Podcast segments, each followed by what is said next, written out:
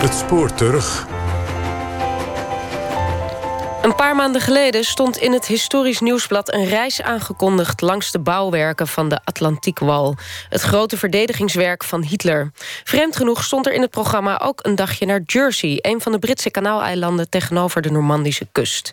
Het enige stukje Groot-Brittannië dat door de Duitsers bezet is geweest. Waarom? Dat hoort u nu in de documentaire Een vergeten bezetting. Samenstelling Gerard Lenders, gemonteerd door Berry Kamer.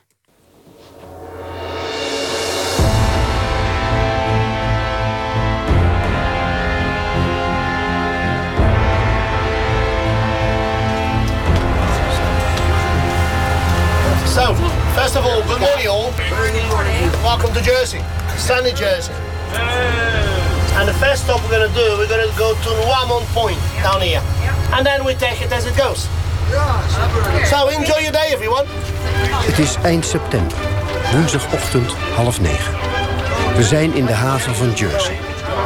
De buschauffeur spreekt enthousiast een gezelschap van 26 Nederlandse bunkertoeristen toe. Het is de vijfde dag van een reis langs allerlei bouwwerken van de Duitse Atlantikwal. Omdat ik uh, geïnteresseerd ben in het verschijnsel oorlog, hoe afschuwelijk ook. En dit was een goede gelegenheid om uh, het zelf te zien ook. Anders dan in een boekje.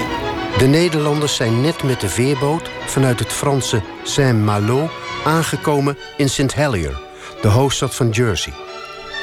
Het merendeel oudere mannen, een paar vrouwen maar ook vaders met zonen en dochter. De geïnteresseerden in de megalomane bouwwerken van Hitler worden geïnformeerd door historicus en reisbegeleider Willem Melging. Je ziet hier links direct al de eerste bunkers. Uh, aan deze kant zie je een onschuldig muurtje. Maar als je vooruit kijkt, uh, zie je dat het een, een duidelijk een anti-tankmuur is. Een, een PM, een panzermauer. Vandaag dus een bezichtiging van de fortificaties op het grootste van de Britse kanaaleilanden. Die verder nog bestaan uit Guernsey, Alderney en Sark. Eerlijk gezegd, ik wist niet dat de eilanden ooit bezet zijn geweest door de Duitsers. En ik ben niet de enige. Ik, ik wist trouwens niet eens dat uh, Jersey... Uh, en dat uh, die bezet was door de Duitsers. wist ik niet eens. Ik had er nooit iets van gelezen dat ze hier ja, allemaal die bunker en die uh, toestanden hebben neergezet.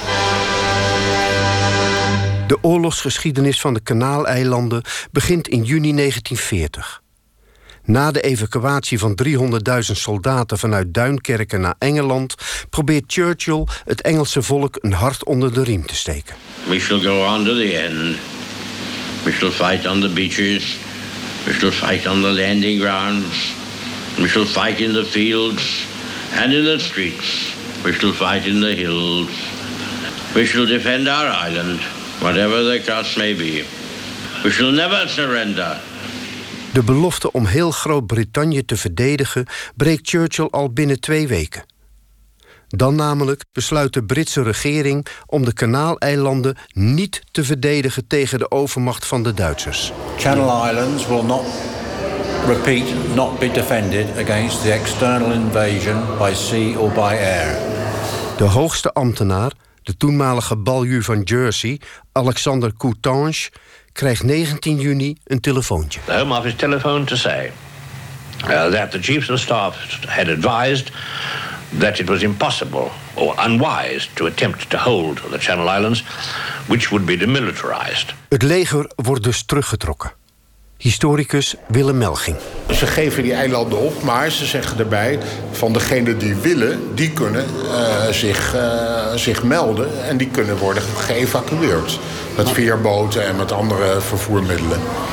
David en Yvonne Isherwood zijn geboren en getogen op Jersey... en intussen 62 jaar getrouwd. De ouders van David willen blijven. De vader van Yvonne wil graag weg. He queued all day waiting. Mijn vader stond de hele dag in de rij om kaartjes te krijgen voor een van die boten. En mijn moeder moest alle spullen verbranden die ze niet mee kon nemen. Maar plotseling stond mijn vader weer voor ons. We gaan niet, zei hij. Ik ben van gedachten veranderd. De hele dag stond hij in de rij en toch zei hij: nee, we kunnen niet gaan. He turned around and said, no, we can't go.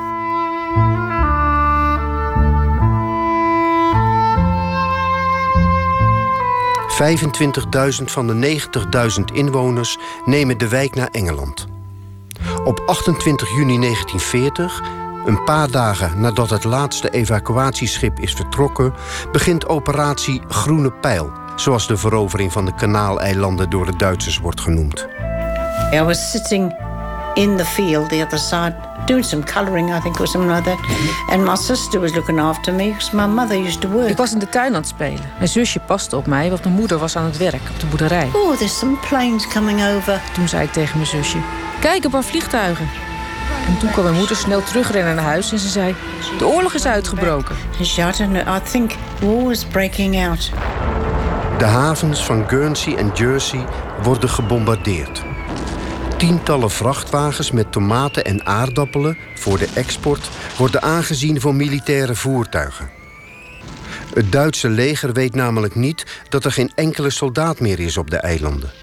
Een duidelijke fout van Londen, zegt Tony Pike van Channel Islands Occupation Society. And they actually dropped some 300 bombs. Er worden ongeveer 300 bommen gegooid op de havens van Jersey en Guernsey. Met als tragische consequentie dat er 44 eilanders omkomen. En dat had voorkomen kunnen worden als de regering de Duitsers had ingelicht over de demilitarisatie. Inform the Germans that the islands had been demilitarized.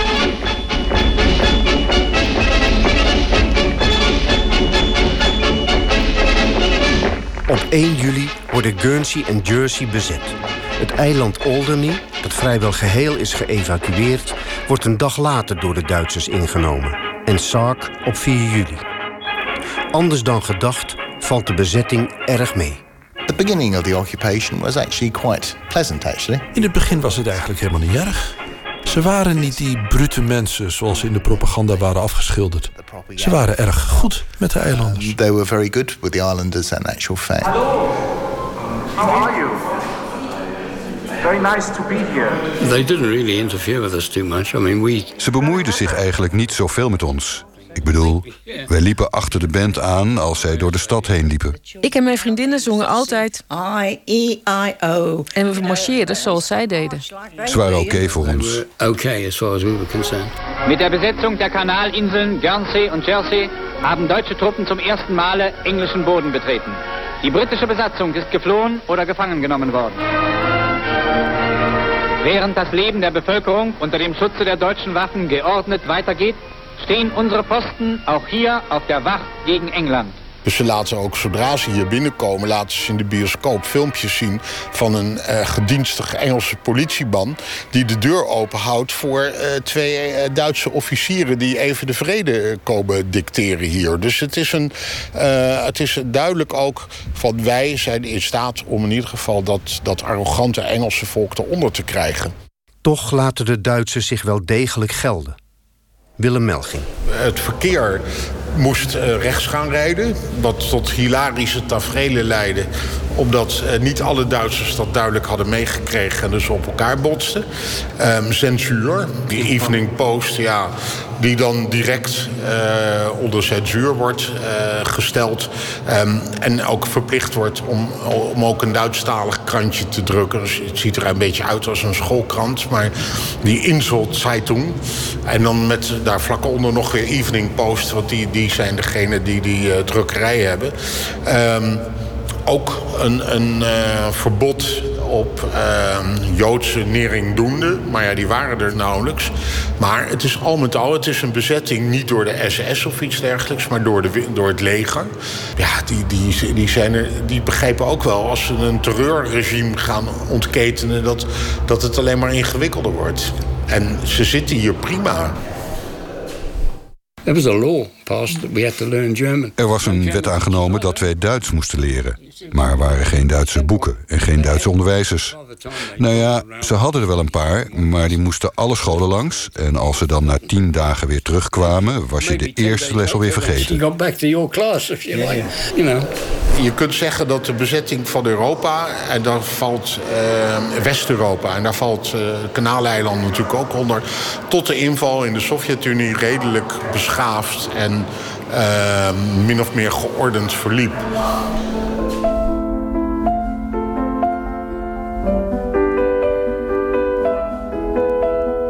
Na de vergeefse poging om Engeland te veroveren, worden de Kanaaleilanden voor Hitler steeds belangrijker. Het is het enige Engelse grondgebied wat uh, de Duitsers daadwerkelijk bezet hebben. De hele invasie van Engeland, uh, operatie Zeeleuwen, is nooit doorgegaan. Dus het heeft voor, uh, voor de Duitsers heeft propagandistische waarde. Um, het heeft in Hitlers geest, of dat nou militair juist is of niet, dat doet er dan niet meer toe. heeft het ook een strategische waarde omdat het zijn eilanden die voor de kust van uh, Frankrijk liggen. De westkust, bij Normandië, Bretagne, dat hoekje. Um, en hij zag het als een soort vooruitgeschoven schoven posten. Bij wijze van spreken als een soort gigantisch vliegdekschip. Waar, van waaruit hij aan deze kant van uh, Normandië een invasie zou kunnen uh, tegenhouden. Misschien had hij ook wel het idee dat de Engelsen het zouden proberen terug te veroveren. Dat was ook een reden om het zwaar te beveiligen. Maar in ieder geval, het is een combinatie van propaganda en het idee van dit is een buitenkansje om uh, 20, 30 kilometer de zee in al een vooruitgeschoven uh, post te hebben. Op 20 oktober 1941 geeft Hitler de order om van de Kanaaleilanden een onneembare en onaantastbare vesting te maken. That's made a complete swing to make in the fortification. Vanaf oktober wordt alles anders. Komen talloze firma's die in opdracht van Organisation Tood gaan werken aan versterkingen op de eilanden. As we see them today. Organisation Tood, de semi-militaire bouwonderneming van het Duitse Rijk, moet op de Kanaaleilanden zorg dragen voor talloze munitieopslagplaatsen, tientallen observatietorens en luchtafweergeschutkoepels, geschutputjes, antitankmuren, majestueuze bunkers, een spoorweg en een ondergronds netwerk van kilometers tunnels. Sturmflut am Kanal. Unsere Soldaten, die hier in vorderster Front gegen England Tag und Nacht auf Posten stehen, haben einen schweren Dienst. Die Ablösungen auf den Kanalinseln Jersey und Guernsey müssen bei jedem Wetter erfolgen. Wenig später erster Alarm. Englische Aufklärer, die sich zu weit vorwagten, werden sofort unter Feuer genommen. Bei dem Beschuss von Zielen auf See hat sich unsere Flak bestens bewährt. So ist die Küste gegen England ein einziger Panzergürtel, gespickt mit Batterien aller Art. Vom Nordkap bis zu den Pyrenäen halten deutsche Soldaten die Wacht. De arbeiders die al die fortificaties op de Kanaaleilanden en van de Atlantikwal moeten gaan bouwen, worden vanaf begin 1942 geworven in diverse bezette westerse landen. In eerste instantie zijn het vrijwilligers en werklozen die hiervoor worden ingezet. Maar vanaf 1942 worden er ook bedrijven uitgekampt. Werkende arbeiders worden aangewezen voor arbeid in den vreemde. Ook in Nederland. Op middag komen ze eraan van het arbeidsbureau in man. Die kon ik wel. Met één of twee douches. En ze gaan naar het kantoor toe. Eh, en ze kwamen terug. En toen kwam de baas, hij zei... De drie jongsten moeten naar Duitsland en Frankrijk. 95 jaar is hij nu. Siert Bakker uit Wolfga. Hij vertrekt in juni 1942 met 20 Friese streekgenoten verplicht per trein naar Frankrijk, naar Saint-Malo, en wordt van daaruit overgebracht naar Guernsey. De dwangarbeiders worden ondergebracht in kampbarakken of vakantiehuisjes. En de werkzaamheden zijn duidelijk. Bunkerbouw.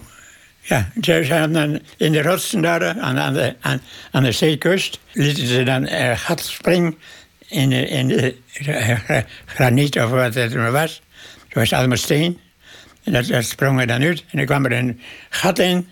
En daar werd de bunker ingebouwd. Dan moest alles, dat hout en alles moest erin.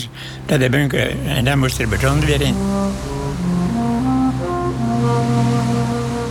In totaal zullen honderden Nederlanders via de arbeidsinzet op de Kanaaleilanden werkzaam zijn. Het is hard werken, een schamel onderkomen. En s'nachts op bedden lang, dan zag je, oh, daar loopt de flow. En zet de vinger erop en dan haal je hem. en eentonig eten. Soep. mis, koolsoep. Elke dag kwam de soepauto middags en dan kregen we, kregen we soep. Maar uh, zondags dan kreeg je, ja, kreeg één aardappel. maar ik, ik, was nooit geen grote eter, joh. Ik, ik heb er echt geen... Uh, toen ik thuis kwam, had ik nog een kilo fruit ook.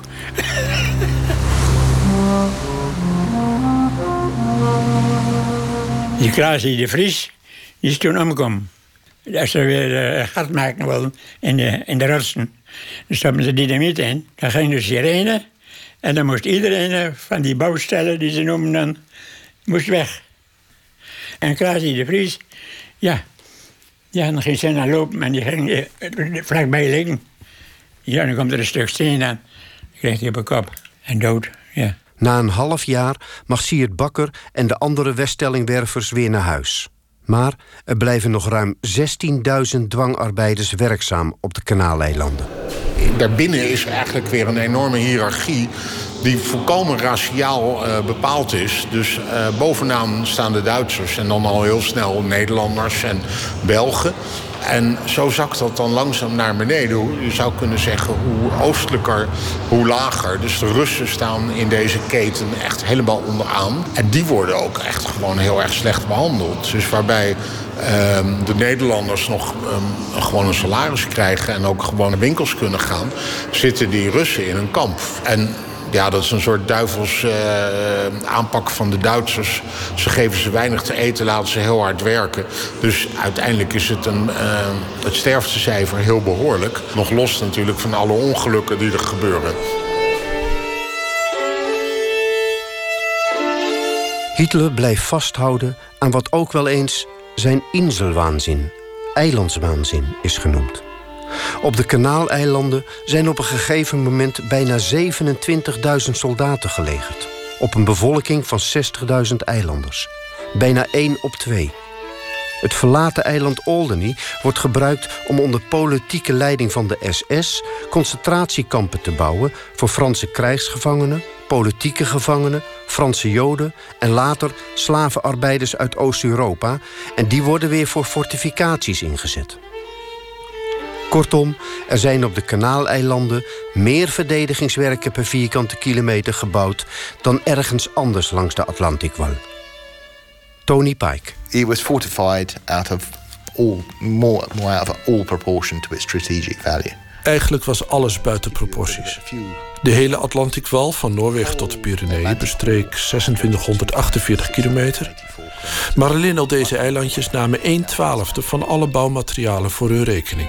Bijna 500.000 kubieke meter beton. Alleen al daaraan zie je hoeveel energie er in de verdediging van de Kanaaleilanden is gestopt. Het steeg allemaal ver uit boven de eigenlijke strategische waarde. Really out of all strategic value. Ja, hier hebben we een prachtig zicht op die uh, PZM, de Panzermauer. Met uh, aan het einde een, uh, een bunker, heel strategisch neergezet. Mooie halfronde baai. En het is optimaal, optimaal beveiligd. En dan, dan, als je dat soort dingen iedere keer beziet, kun je ook voorstellen um, hoe ongelooflijk veel energie er besteed is aan, aan de verdediging van dit, van dit eiland. Met al die, al die bouwwerken en al die versperringen. Die, nou ja, zo solide Duits werk, die liggen er ook allemaal nog.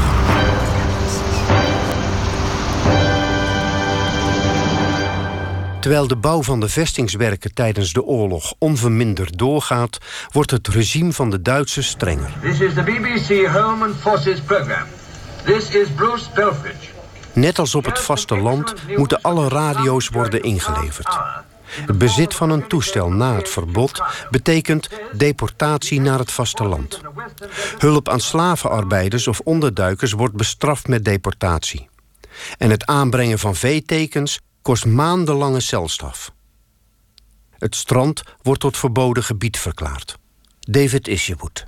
They put an embarkation line really all around the island. Some of it was imaginary, some of it was actually painted in blue. De Duitsers brachten rond het eiland een scheidslijn aan met blauwe verf, zodat je niet meer bij het strand kon komen. Nu was het zo dat mijn oom een klein huisje had met achter in de tuin zijn wc. En daartussenin liep die blauwe lijn. Dus hij had een pas nodig van de Duitse autoriteiten om naar de wc te gaan. And he got a pass from the German authorities to go and use, use his toilet.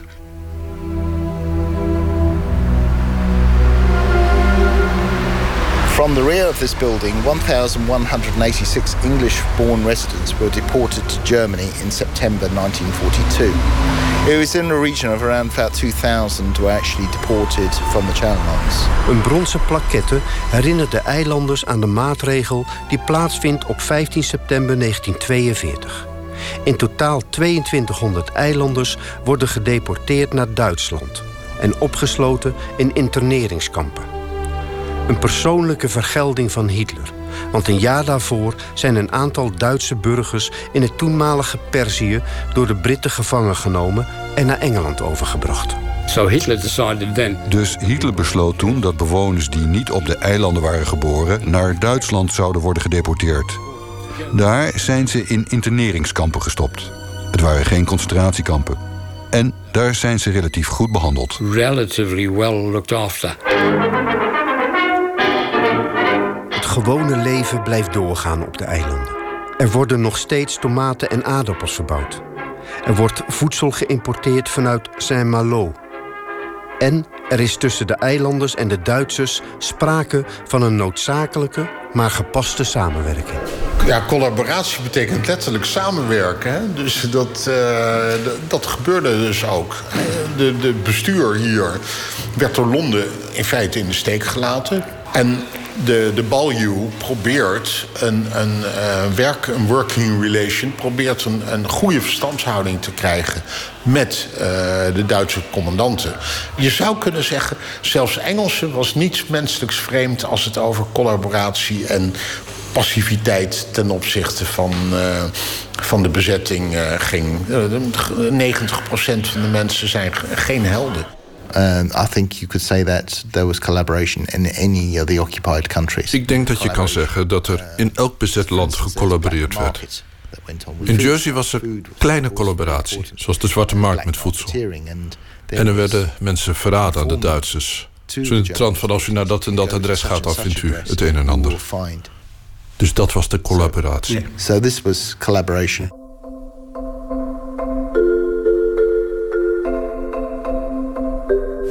BBC Home Service. Here is a special bulletin read by John Snag. D-Day has come. Early this morning, the Allies began the assault on the northwestern face of Hitler's European fortress. Onverwacht laten de geallieerden op 6 juni 1944 tijdens D-Day de Kanaaleilanden gewoon links liggen. Vanuit dit idee waarom jezelf stuk bijten op een bijna onneembare vesten. Die soldaten hier worden ook niet teruggehaald naar het vasteland. Dat had natuurlijk makkelijk gekund, vlakbij. Um, ze waren daar harder nodig. Maar dat is uh, niet alleen hier. Je ziet ook dat in, op andere plekken, zoals Saint-Nazaire en La Rochelle... is ook heel beroemd, een onderzeebootbasis uh, boven Bordeaux... dat uh, die tot het laatst toe uh, Duits blijven. En dan is het hele achterland van Frankrijk... al lang in handen van de geallieerden. En daar zitten die Duitsers. En de geallieerden denken, nou, laat ze maar lekker zitten. Maar goed, voor de Duitsers die hier zaten hebben geluk gehad. Want in die tijd sneuvelden de Duitsers in het tempo van 3 tot 400.000 per maand. Dus uh, ik zou ook zeggen, we zitten waar je zit en verroer je niet. Voor inwoners is het uitblijven van de bevrijding een bittere teleurstelling.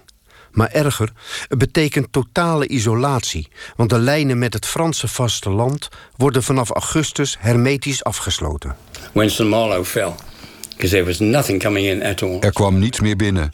Vanwege de kou bleven de scholen dicht en er was een enorm voedseltekort. Desperately short of food. You go to bed. Je ging naar bed en je had honger. Je had altijd honger. Er was bijna hongersnood. Het was gewoon verschrikkelijk. You know, it was terrible. We had no coal, no gas, no electricity, very little wood, and that the supplies of potatoes and wheat were running short. De baljuw van Jersey Alexander Coutange, smeekt Londen en het Rode Kruis om de bevolking te helpen.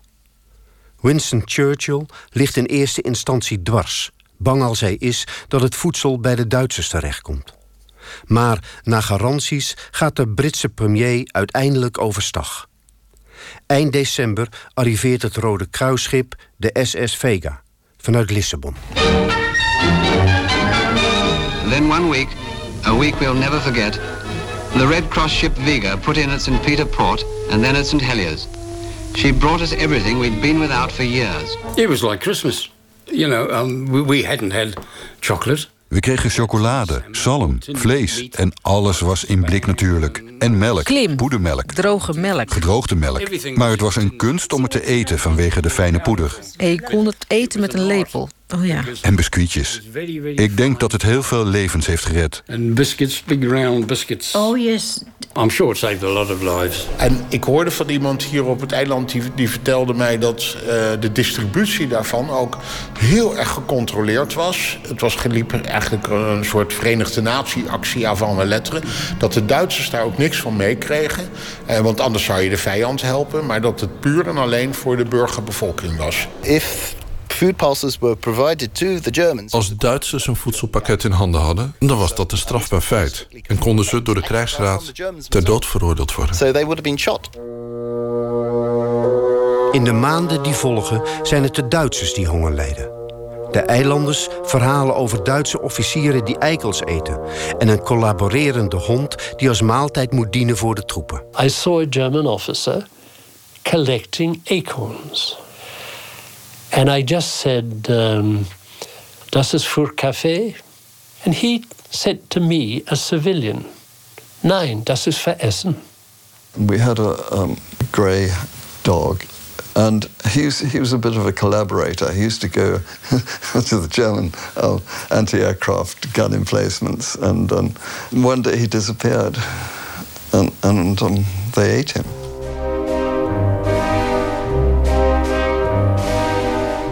Yesterday morning at 2:41 a.m., General Jodl signed the act of unconditional surrender of all German land, sea, and air forces in Europe, and uh, our dear Channel Islands are also to be freed today.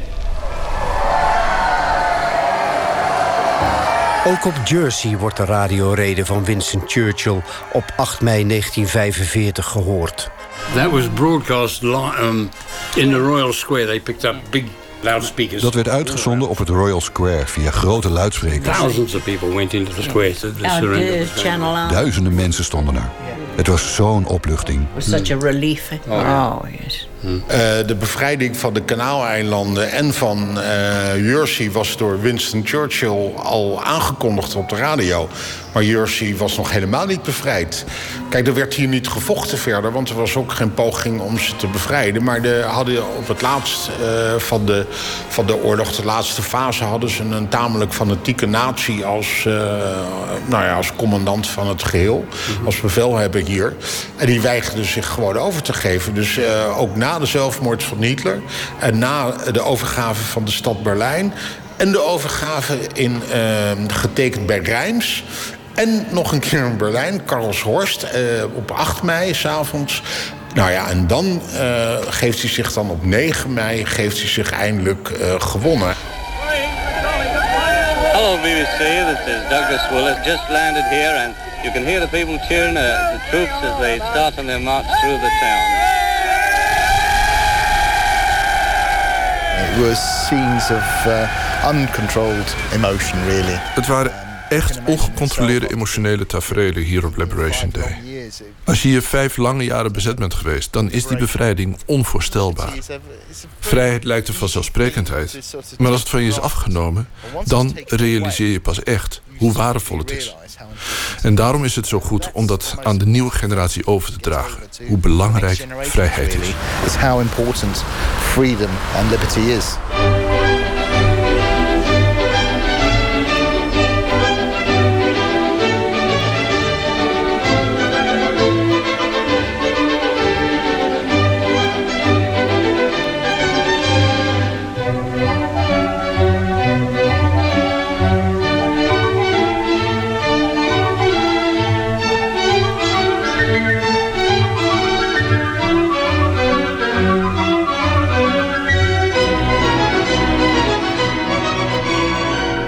Dit was een documentaire gemaakt door Gerard Leeners... met dank aan Pim Mulder, auteur van het boekje... Weststellingswervers op Guernsey... en reisorganisatie Voyage